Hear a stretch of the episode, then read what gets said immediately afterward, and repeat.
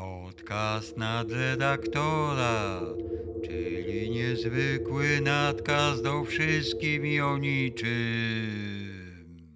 Wawrzyniec Józefczyk, mój dziadek, ze strony mojego taty, urodził się 18 maja 1887 roku. W tym samym roku, w którym urodził się Arthur Rubinstein, a także sam Warner, założyciel razem z braćmi słynnej firmy Warner Brothers. Czytajcie czas krakowski, tylko u nas najświeższe informacje z cesarskiego dworu, najświeższe informacje z Krakowa. Czas krakowski, czas krakowski, 18 maja 1887, za jedyne 10 groszy. Czas krakowski, czytajcie. W czasie ukazała się notatka o śmierci byłego, zasłużonego dla Krakowa prezydenta Michała Zybilkiewicza. Dotyczyła ona śmierci tegoż, która nastąpiła dwa dni wcześniej. Kronika miejscowa i zagraniczna. Pan Alfred Milewski, prezes Rady Powiatowej, wyjechał na kurację do Kalten-Leutengeben. W Parku Krakowskim jutro, dnia 19, we czwartek, odbędzie się koncert muzyki wojskowej 20 pułku. Początek o godzinie 4 po południu.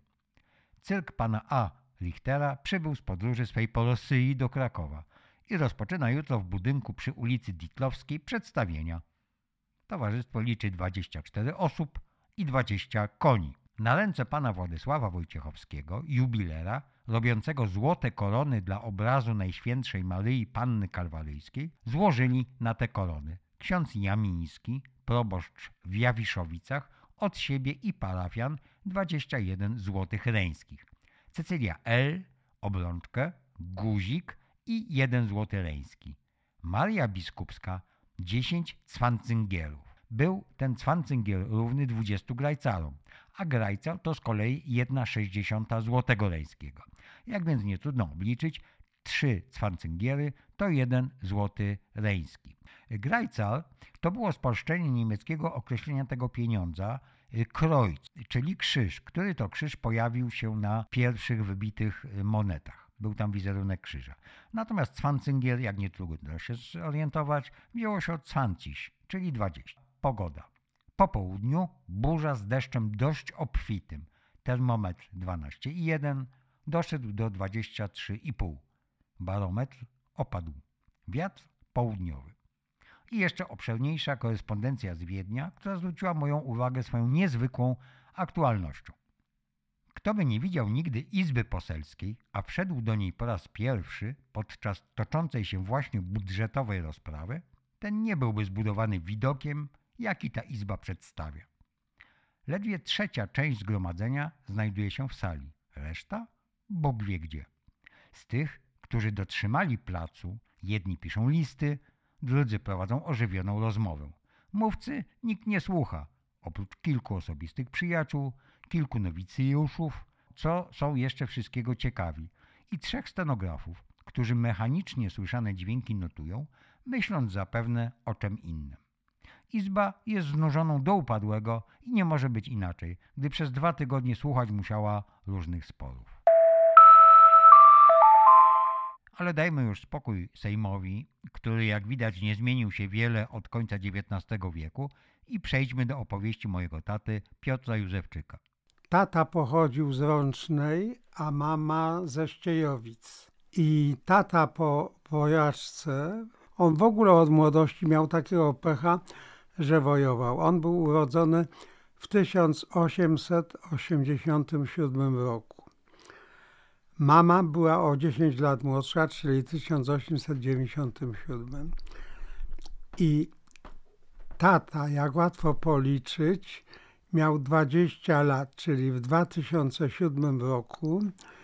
Wtedy zabrali go do wojska. Ja już nie pamiętam, nie wiem, ale zdaje się, że bo to było pod zaborem austriackim. Wtedy chyba był 3 albo 4 albo 5 lat nawet. Zdaje się, że 5 lat służył w wojsku. E, w Łanach uczyli go na koniu jeździć, tam wtedy inne były w ogóle uzbrojenie i metody. I wrócił to, co ja e, wiem, w 12 roku, 1903, miał 25 lat. A za dwa lata wybuchła druga, pierwsza wojna światowa w 14 roku w lipcu. No i w związku z tym ojca też wzięli do wojska. Biedny walczył gdzieś na wschodzie Polski. Był taki front, e, wtedy była ta e, wojna taka e, raczej pozycyjna. Żołnierze siedzieli w okopach, od czasu do czasu robili wypady. I nie wiem, gdzie to było. W każdym razie na, na wschodnich kresach Polski ówczesnej tata dostał się do niewoli.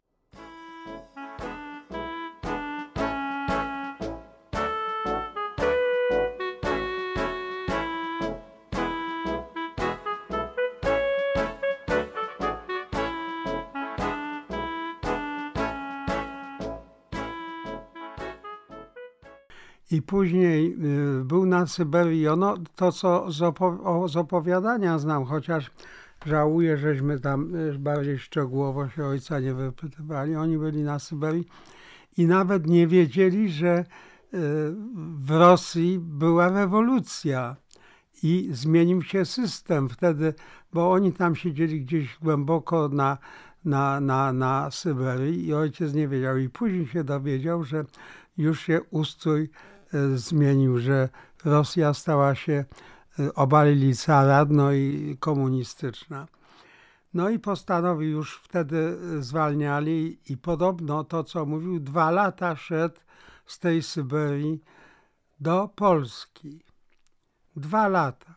Czyli pewnie dotarł w 20. Dotarł, on dotarł chyba w, właśnie w 20 roku.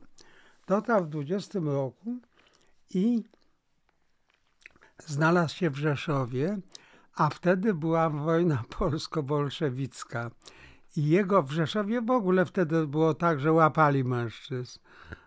On był taki zarośnięty z brodą, złapali go, gdzieś ich tam e, na jakimś boisku piłkarskim ich tam trzymali i tata postanowił, bo znowu groziło mu pójście na wojaczkę z bolszewikami już w Wojsku Polskim. Jakoś z, uciekł stamtąd. No i przyszedł do domu, do swojego domu, no i, i zapukał do drzwi zarośnięty jak dziadek. Matka go nie poznała. I to było jeszcze wręczne. Ona nie poznała go i on y, powiedział im, a jestem Wawrzek. No to ty Wawrzek, wróciłeś bo jego starszy brat też poszedł na, wojank, na wojenkę, nazywał się, zapomniałem jak miał na imię, i po prostu zginął gdzieś na wojnie, nie wiadomo gdzie. Także ludzie wtedy ginęli, nie wracali. No i cud, że ojciec wrócił. No, no więc on wrócił po tej wojaczce do domu, mama go nie poznała, jego mama. I, no ale y, później doszedł do wniosku, że E, no trzeba coś robić po tym e, wojowaniu. Zrobiło mu się 33 lata, no i, i właściwie całe życie mu zeszło na tym wojowaniu.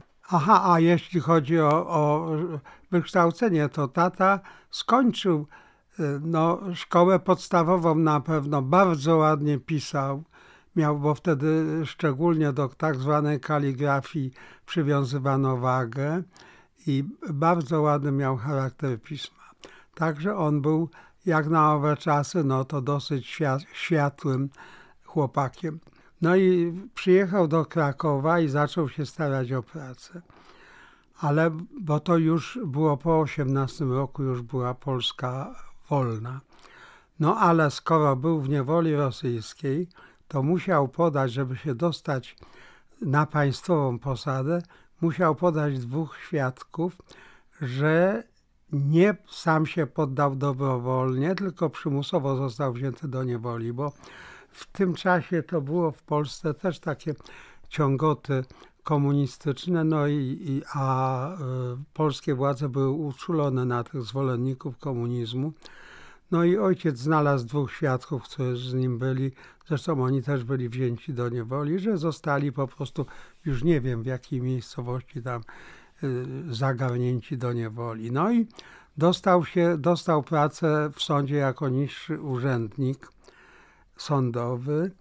W ten sposób dotarliśmy do końca pierwszego etapu opowieści mojego taty, która dotyczyła losów wojennych mojego dziadka jeszcze jako kawalera. W kolejnych odcinkach dowiemy się o tym, jaki rodowód miała babcia, czyli mama mojego taty, a także w jaki sposób spędzili pierwszą część swojego życia. Zapraszam i dziękuję za wysłuchanie. Wasz niezwykły nadredaktor.